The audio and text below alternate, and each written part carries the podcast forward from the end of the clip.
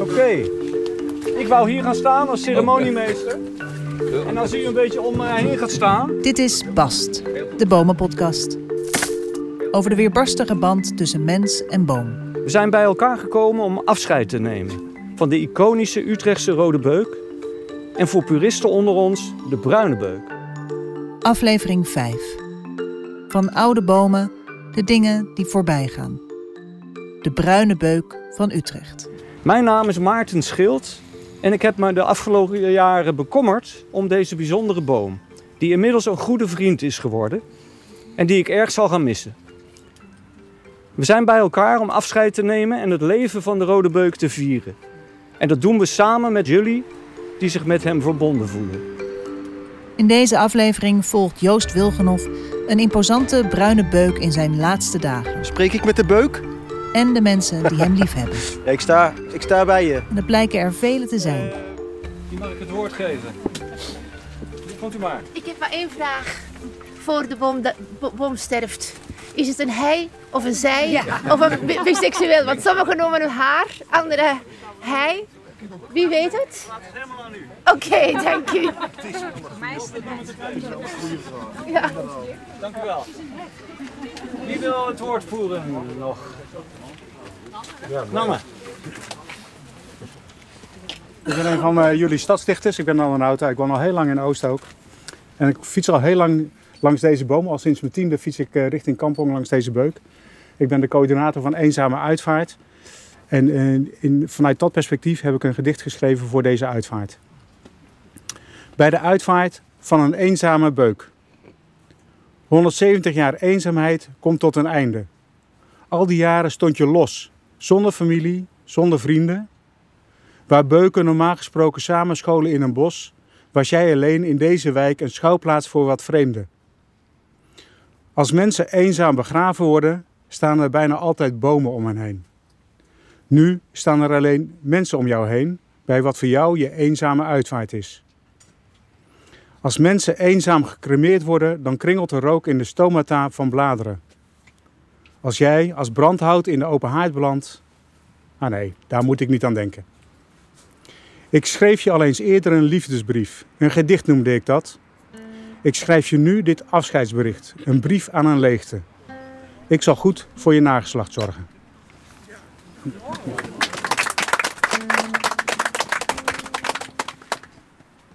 Al sinds mensen het zich kunnen herinneren, staat er een bruine beuk, een Vagus sylvatica atropunica, op de rotonde aan het einde van de Emmalaan in Utrecht. Vlakbij liggen de mensen zij aan zij op de statige begraafplaats Sint Barbara. Ook deze boom is ten dode opgeschreven. Via zijn eigen Facebookpagina heeft hij zijn vrienden zelf bijeengeroepen. Afscheid nemen valt me zwaar, schrijft de boom. Daarom zou ik het op prijs stellen als je me daarbij wilt helpen door aanwezig te zijn op mijn afscheidsbijeenkomst op zondag 2 februari 2020. En de mensen zijn gekomen. Wie van u heeft wel eens tegen deze beuk gepraat?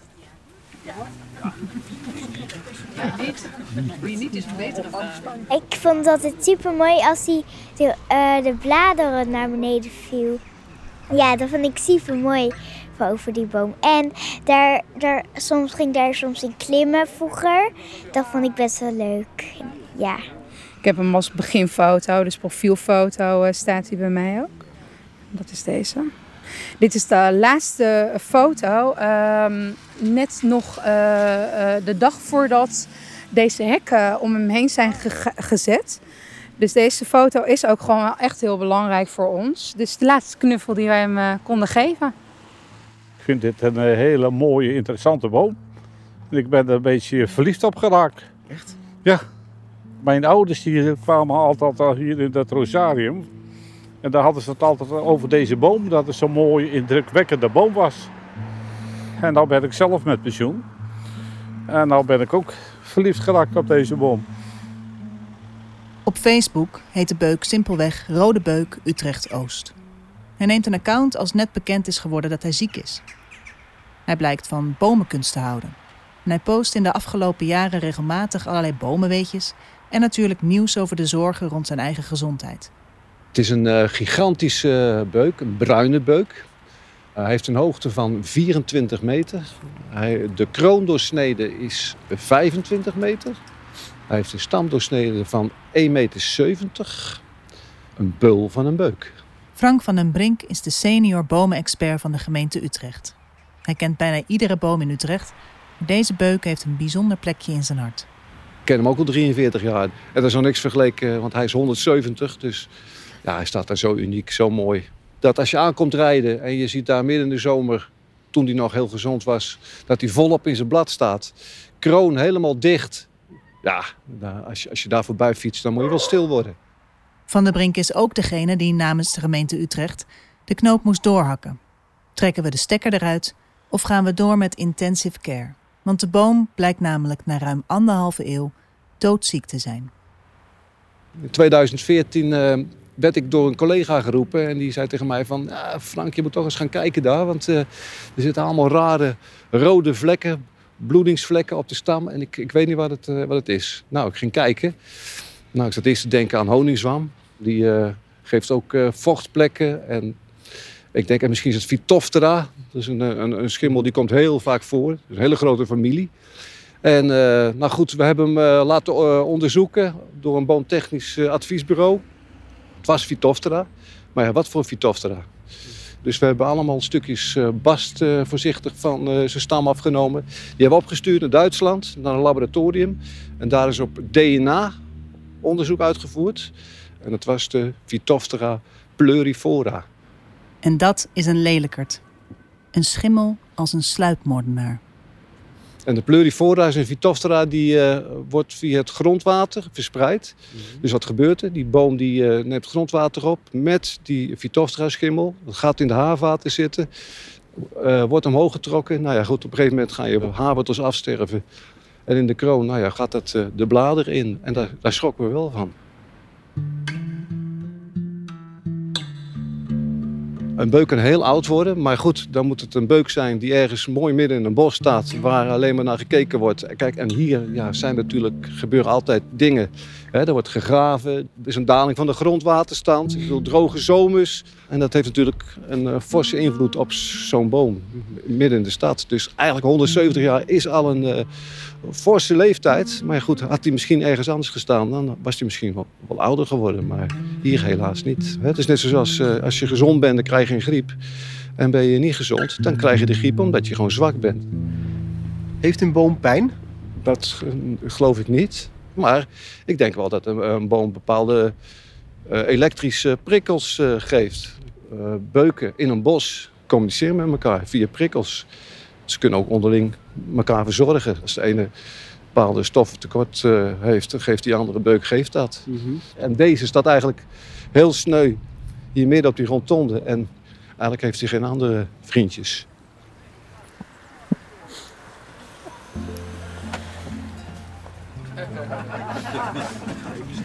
Oké, eh, dan wil ik nu uitnodigen Wieke Eefting, die dit prachtige boek heeft gemaakt, Beukenbloed, over de beuk. Het is hier wel een stuk warmer dan net buiten de tent. Dus kom allemaal heel dichtbij.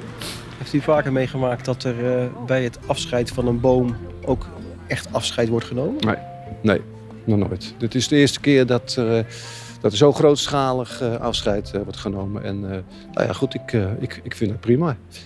Ik bedoel, eh, het is natuurlijk een heel gevoelig onderwerp. En eh, nou, het is een gevoelige boom. En eh, nou, ik, vind dat, eh, ik vind dat goed. Mij gebracht heeft. Hopelijk was de liefde wederzijds en heb ik hem ook iets kunnen brengen. Toen ik in 1978 in Utrecht-Oost kwam wonen... Wieke Eefting kun je wel de biograaf van de boom noemen. Toen zij hoorde dat de boom ziek was, besloot ze hem systematisch te gaan fotograferen. Het resulteerde in een heel boek, Beukenbloed, over de liefde tussen boom en buurt. En tijdens deze frequente fotosessies ontmoette ik stevast buurtbewoners die net als ik een bijzondere band met deze schitterende reus voelen. Stiekem klimmen in de takken, de eerste kus onder zijn eh, bladerkroon, een huwelijksaanzoek, trouwfoto's, startpunt van het wekelijks hardlooprondje, maar ook inspiratiebron voor Ja. gedichten, schilderijen, tekeningen. Het hek heeft natuurlijk niet de maten die wij bedacht hadden, maar... Als je het niet te strak doet, kunnen we nog een beetje schuiven. Hier hangt Wieke Eefting foto's en andere herinneringen aan het hek, dat de gemeente uit voorzorg om de beuk heen plaatste. Nee, we hebben eh, eigenlijk allemaal eh, artikelen en eh, foto's die in de krant en in de media zijn eh, verschenen de afgelopen jaren. Verzameld, hebben we geplastificeerd. En eh, die gaan we nu ophangen in de vorm van een hart. Zal ik de onderkant vastmaken? Als jij dan de bovenkanten doet, dan kan ik de onderkant pakken. Zie je al die eh, zwammen ook? Je ziet nou veel meer zwammen hè, op die boom. Maar hij heeft vooral last van een bepaalde schimmel. En eh, doordat die schimmel eh, hem aantast, scheidt hij een rode vloeistof af. En die heb ik beukenbloed genoemd. Want dat is echt, het is alsof je bloed op je vingers hebt als je dat vocht aanraakt. En, dus dat is de titel van het boek geworden. Daarom, omdat het lijkt echt beukenbloed. Alsof hij aan het bloeden is.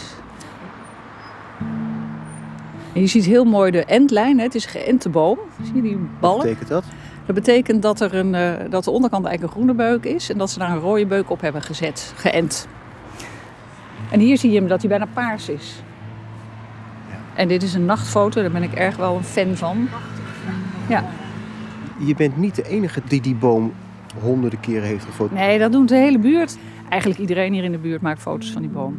Weet nou ook weer, dat een meneer zo om de boom heen en dan pakt hij zijn, pakt hij zijn telefoon aan en dan even een foto maken. Dit is de derde al die ik zie, die dat op die manier doet. Hallo mevrouw, u, u heeft ook even een foto gemaakt? Ik heb even een foto gemaakt. Ja, ik schrik van dat hek. Ik weet helemaal niet wat er met die boom aan de hand is. Maar dat is een beeld voor, voor de buurt. He- Heeft u eerder gehuild om een boom? Nou, dat weet ik niet zo concreet. Maar in de context van Amelisweert en de verbreding van de A27. Met allemaal bomen die het loodje leggen. En die er toch al heel lang staan. Ja, dat vind ik gewoon heel zonde. Dus dan denk ik van ja, we moeten er wat zuiniger mee omgaan.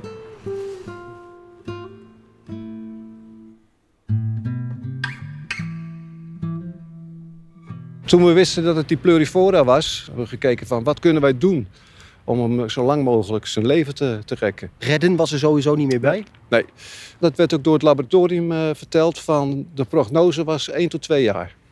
We zijn eh, begonnen met een eh compostthee. En die hebben wij eh, rondom de, de boom eh, aangebracht. Het is eigenlijk een, eh, eigenlijk een soort vitamine shot. Nou, we hebben er ook nog een soort eh, houtcompost rondomheen eh, gedaan, een laagje. Dat eh, geeft ook hele goede schimmels. De compostbehandelingen slaan niet aan bij de beuk. Maar Van den Brink en zijn collega's geven de boom nog niet op. We gingen dus ploffen in de grond. We gaven hem injecties. Hè. En daar is eh, biogar bij gedaan. Met kaliumfosfaat. Nou, dat ploffen zorgt ook voor dat die grond los raakt. Daar werd er spul bij gedaan. Nou, en dat spul dat werkt eh, eigenlijk eh, vertragend op eh, bepaalde schimmels. Je zag hem echt zien ogen opknappen. Even is er hoop. Ja, en toen kwamen de secundaire aantastingen. Dat zijn schimmels die liggen ook te wachten in de grond. Toen begon het met een porseleinzwammetje. Altijd heel bekend bij een beuk. Als dat erin zit, dan weet je al dat dat hout die helemaal eh, lekker wordt. Weerschijnzwammen kwamen, kwamen erin. Er kwam een honingzwam in. Die gaat achter de schors gaat die zitten. En die gaat de schors losmaken. Dus die gaat de boom verzwakken. En toen kwam de reuzenzwam. Die zit daar lekker zo eh, zijn schimmeldraden te vormen. En in één keer na vier jaar zegt hij van bam. En dan komt hij omhoog. Het was hier die hele stamvoet. Rondom die stamvoet was één en al reuzenzwam. Nou, als je dat ziet, dan is het kwaad al geschied. Dan zijn die wortels beneden al eh, voor een groot eh, gedeelte vernietigd. En dan gaat het zwam op zwam op zwam op zwam. En nou, uiteindelijk had hij nog maar hele kleine blaadjes. Ja, dan weet je al van... eh, Rouw kent vijf fases, wordt wel eens gezegd. Ontkenning, woede, vechten, verdriet en als laatste aanvaarding. Anderen zeggen dat een rouwende voor vier grote opgaven staat die niet in een vaste volgorde af te werken zijn. Je moet het verlies aanvaarden, de pijn voelen, je aanpassen aan een nieuwe situatie en het verlies een plek geven. Het is allemaal niet eenvoudig. Zeker niet als je niet op je eigen manier afscheid kunt nemen. Ze hebben de hele beuk eh, hermetisch afgesloten met een groot hek. Dus je kunt die boom. de- hoe kun je nou afscheid van een boom zonder dat je die een keer kan aanraken of gewoon een keer kan omhelzen? Het lijkt me het simpelste wat er is. Maar nee, ze hebben hem hermetisch afgesloten. Je kunt er niet meer bij komen. Peter van Os zat als penningmeester van Stichting Wilhelminapark bovenop de ontwikkelingen van de boom. We spreken elkaar op de dag dat er afscheid wordt genomen van de boom. Ehm, iedereen mag iets gaan zeggen. Wat, wat gaat u zeggen? Ja, ik, ik denk niet dat ik ga, want ik vind het toch heel moeilijk. Ik vind het heel erg dat je dus als afscheid niet fysiek afscheid kan nemen, omdat ze dus een strak hek eromheen hebben gezet, zodat je helemaal die boom niet meer kan aanraken. Dat vind ik heel erg onder het mom van, nou ja, het is gevaar, de takken die kunnen afbreken. Er is nog geen tak gevallen, hè. Er is echt nog niks gebeurd. Die boom is nog zo sterk als wat. Vorig jaar heeft er een grote storm in de Emmerlaan zijn, eh, en op het Hoge Land zijn eh, grote bomen omgewaaid. En deze beuk, omdat er ook nog geen blad in zat toen, heeft geen kick ge- gegeven. Echt niet. Ongelooflijk sterk. Hij geeft niet zomaar op hoor. Van Os had graag gezien dat de beuk, ziek en wel, nog even mocht blijven staan. Maar het besluit om de oude boom nu te vervangen door een nieuwe, jonge beuk stond vast. Dus daaruit bleek ook dat de gemeente eigenlijk zegt... eh, kijk, zo'n wijk moet alles netjes zijn. Het, is, eh, het park is een Engelse landschapstijl. Alles moet netjes aangehaakt zijn. En een boom die doodgaat, dat is eigenlijk, past niet in het, in het plaatje. Kunt u, die, eh, kunt u de buurt een beetje eh, schetsen? Ja, eh, die, dat, Utrecht-Oost is natuurlijk een zeer elitaire buurt. Eh, vooral aan het Middelpinienpark zelf zijn natuurlijk de duurste huizen van heel Nederland te vinden. De buurt is ook heel, stelt ook heel erg veel belang op mooi groen en het schoonhouden. Dus wat we hier eigenlijk niet hebben is natuurlijk, laten we zeggen, grote problemen met buitenlanders of zo. En het lijkt weer alsof ze dat, de mensen zich dan veel meer druk maken over hun toch eh, andere dingen. En waar het groen dus een heel eh, belangrijke eh, plaats inneemt. En daarom was dus die ziekte van de rode beuk natuurlijk een schok voor de buurt. Dat wat de oude beuk zo prachtig maakt, is tegelijkertijd zijn Achilleshiel. Zijn eenzame, magnifieke plek maakt hem geliefd, maar op de lange duur ook kwetsbaar. In het boek Beukenbloed van Wieke Efting komt de befaamde bomendeskundige Jurn Kopijn aan het woord. Voor Kopijn is deze beuk extra bijzonder. Het deel van het park waarin de boom staat is eind 19e eeuw ontworpen door zijn voorvader Hendrik Kopijn en zijn vader Jan Kopijn heeft hem zelfs geplant. Kopijn is eh, dus eh, een eh, deskundige, een bomendeskundige, die zelf een bedrijf heeft als boomchirurg, is al heel zijn leven werkzaam.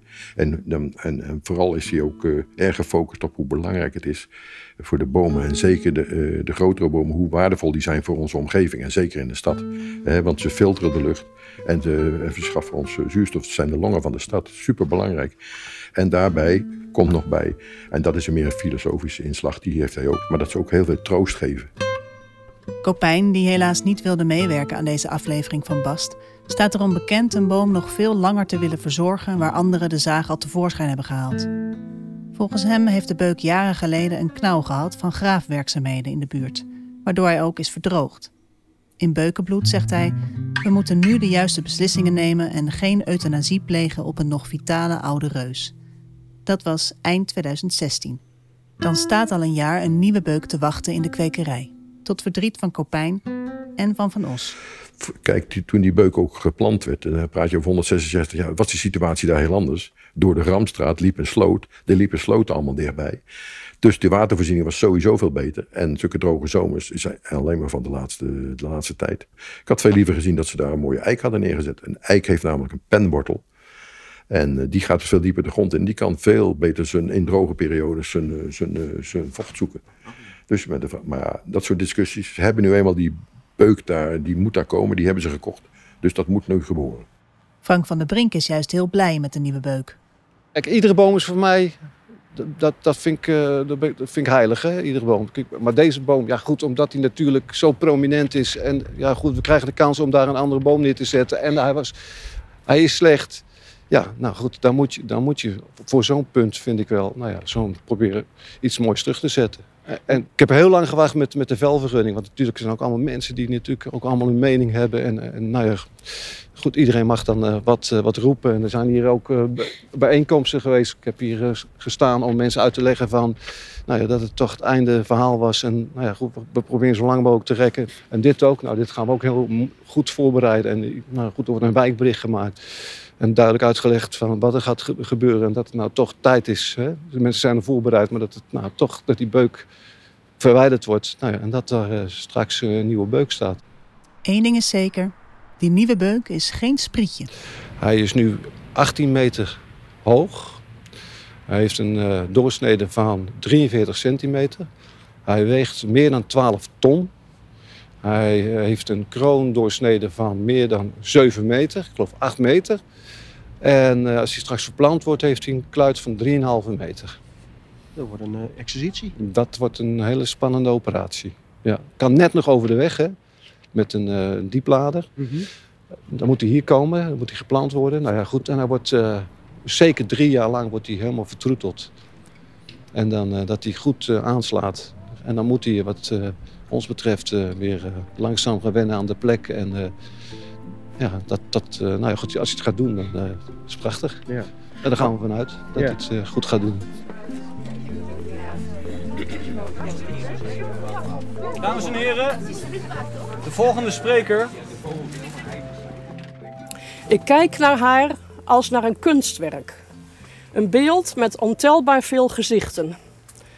Ik zie graag hoe de zonnestralen op haar neervallen, hoe de bladvorming zich ontwikkelt, hoe de grappige beukennapjes in de herfst langzaam hun bekjes openen als hongerige vogeljongen in hun nest om de beukennootjes te bevrijden.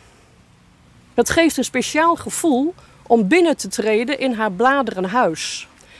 En als ik in haar midden sta en recht omhoog blik via haar armen, die alle kanten uitreiken en uiteindelijk bovenin bij de kroon met het gebladerte een dak vormen als een soort geweldig plafond, dan denk ik vaak: dit is niet meer gewoon een boom, dit is een kapel.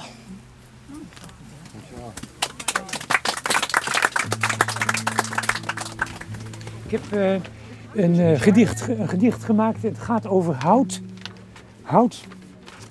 Het is geen sonnet, maar het is een connet. Eh, misschien dat je achteraf zegt, ja, dit kon net. Het kon net. Iets harder graag. Het mooie van hergebruik heet het. Wij hadden een hangoortafel. We haalden de oren eraf. Toen was het een gewone tafel. Een soort side table. We zaagden de poten er half af. Toen was het een bankje. Daar maakten we twee bijzettafeltjes van. Die brachten we naar het kringloopcentrum. En daar maken ze er nu een hok van voor een hangoorkonijn. Wie had dat gedacht?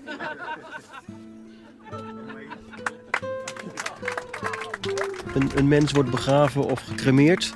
Ja. Wat gebeurt er met de resten van deze beuk?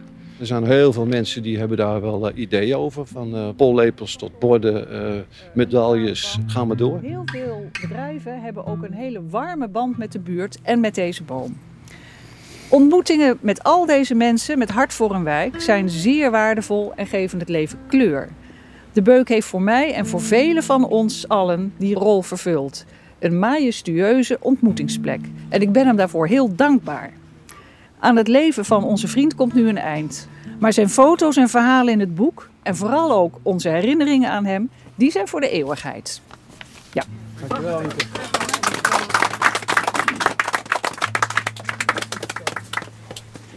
nog iemand anders die iets wil zeggen? Maar we gaan het afscheid besluiten van de beuk door gezamenlijk eh, de versiering weg te halen. Eh, als je daar dingen tussen treft die eh, raken, neem ze dan mee. Zodat het in ieder geval een goede bestemming krijgt. En eh, daarna wil ik graag met z'n allen om de beuk een grote kring vormen. We kunnen waarschijnlijk niet hand in hand, het wordt, eh, de afstand is iets te groot. Maar dat we daar even staan en dat we een minuut stil zijn. En dat is dan het slot van de bijeenkomst. Dus na afloop kun je hier nog even napraten, zou ik zeggen. Oké, laten we naar het hek gaan. Met koffie en cake. Helaas. Geen koffie en cake? Wat zou jij toch doen? Vergeten.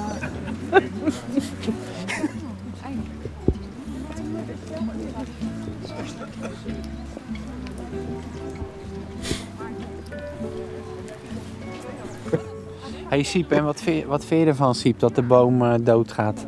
Ja, die wordt omgezaagd. Ja, ze gaan hem omzagen, hè? We gaan nog even gedag zeggen tegen de boom. Hoe ga je dat doen? Ja, Hoe gaan we nou doen, hè? ja, wat wil je doen? Wil je nog iets zeggen of zo tegen de boom? Wil jij nog wat zeggen? Ja, dat mag. Mag je zelf weten. Zullen we zelf samen wat zeggen? Samen wat zeggen? Oh, dat is goed. Goed. Heb jij een ideetje?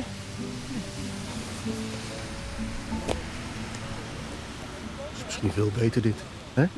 Gewoon lekker stil zijn, dat kan ook.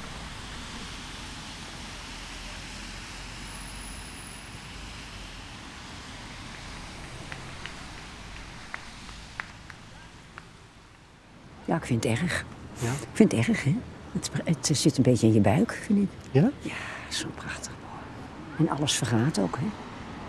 Het is geen eeuwig leven. Ik ben 82, dus ja. Ik heb hem 20 jaar meegemaakt. Ik heb 20 jaar hier aan de achterkant gewoond op Oudwijk. Met die minuut stilte, Nes, was er iets waar u aan dacht? Nou, een beetje eh, melancholisch vind, word ik ervan.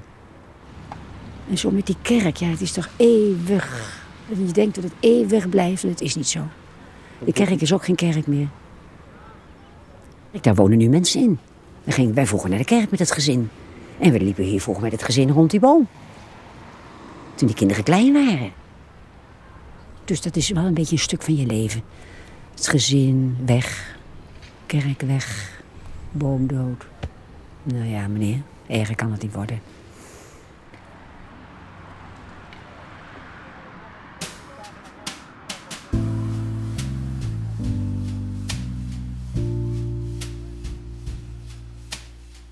Na het afscheid van achter het hek gaat iedereen naar huis. Na een paar stille dagen laat de beuk op Facebook weten dat dinsdag 11 februari Pijltjesdag is. Het is allemaal niet voor te stellen, eerlijk gezegd, schrijft hij. De beuk heeft een laatste verzoek. Tegenover de boom staat sinds de jaren 60 Luco, een bronzen beeld van een bloot jongetje, in wat ze noemen contrapposto-houding, licht hangend in de heup.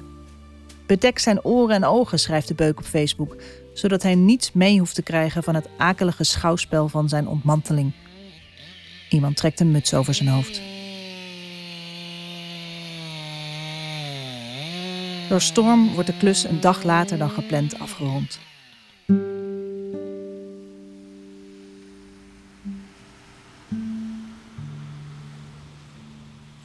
Dankjewel, boom. Zeg ik dan. Zullen we het samen zeggen? Samen zeggen, oh, dat is goed. Wat gaan we dan zeggen? Ja, dankjewel, boom. We hebben van je genoten. Genoten. ja, En ik hou van jou. ja. Ik ook. Wij houden van jou. Auw, hè? Dit doet het auw. Nee. Auw. Hè?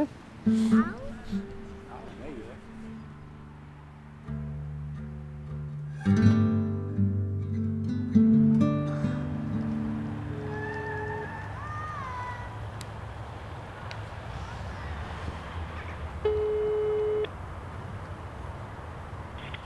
dag Joost.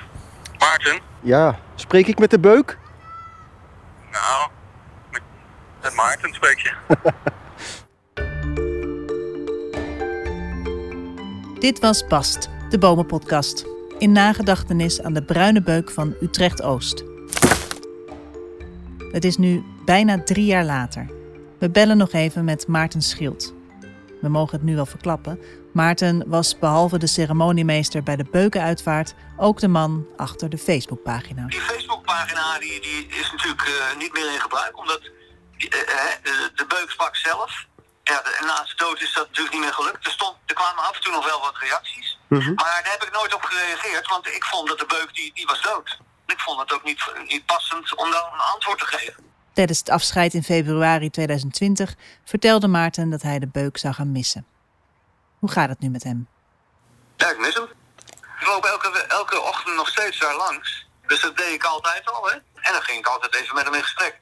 En dat gesprek is er niet meer. Maar hij heeft wel een andere boom gevonden. Nu ben ik in gesprek met de kastanje. En die staat... eh, als ik naar de beuk keek, was daar achter ook een kerk. En een kerktoren. Dus ik heb het een beetje verplaatst. Het is een beetje mijn gids, zullen we maar zeggen. Een soort gebed, kan je het ook noemen. Eh, maar er staat ook een nieuwe beuk, maar die spreek je dus niet aan. Nou, die zie ik nooit. Ik loop er langs en ik zie hem soms helemaal niet. Eigenlijk meestal niet, eerlijk gezegd. Ja, hij is gewoon veel te klein voor die, voor die plek. Ik, ik heb ook het gevoel dat hij doodongelukkig is. Ik zie er nooit iemand. Het apart is bijvoorbeeld, er staat een bankje, hebben ze er neergezet. En er zit ook nooit iemand. De nieuwe beuk is eenzaam. Wij hopen dat hij ooit net zo geliefd zal zijn als zijn illustere voorganger. Ik had heel veel vrienden. Ja, ja nou, dat heb je gezien bij dat afscheid. En elke dag bezoek. Die beuk, die, die was niet alleen.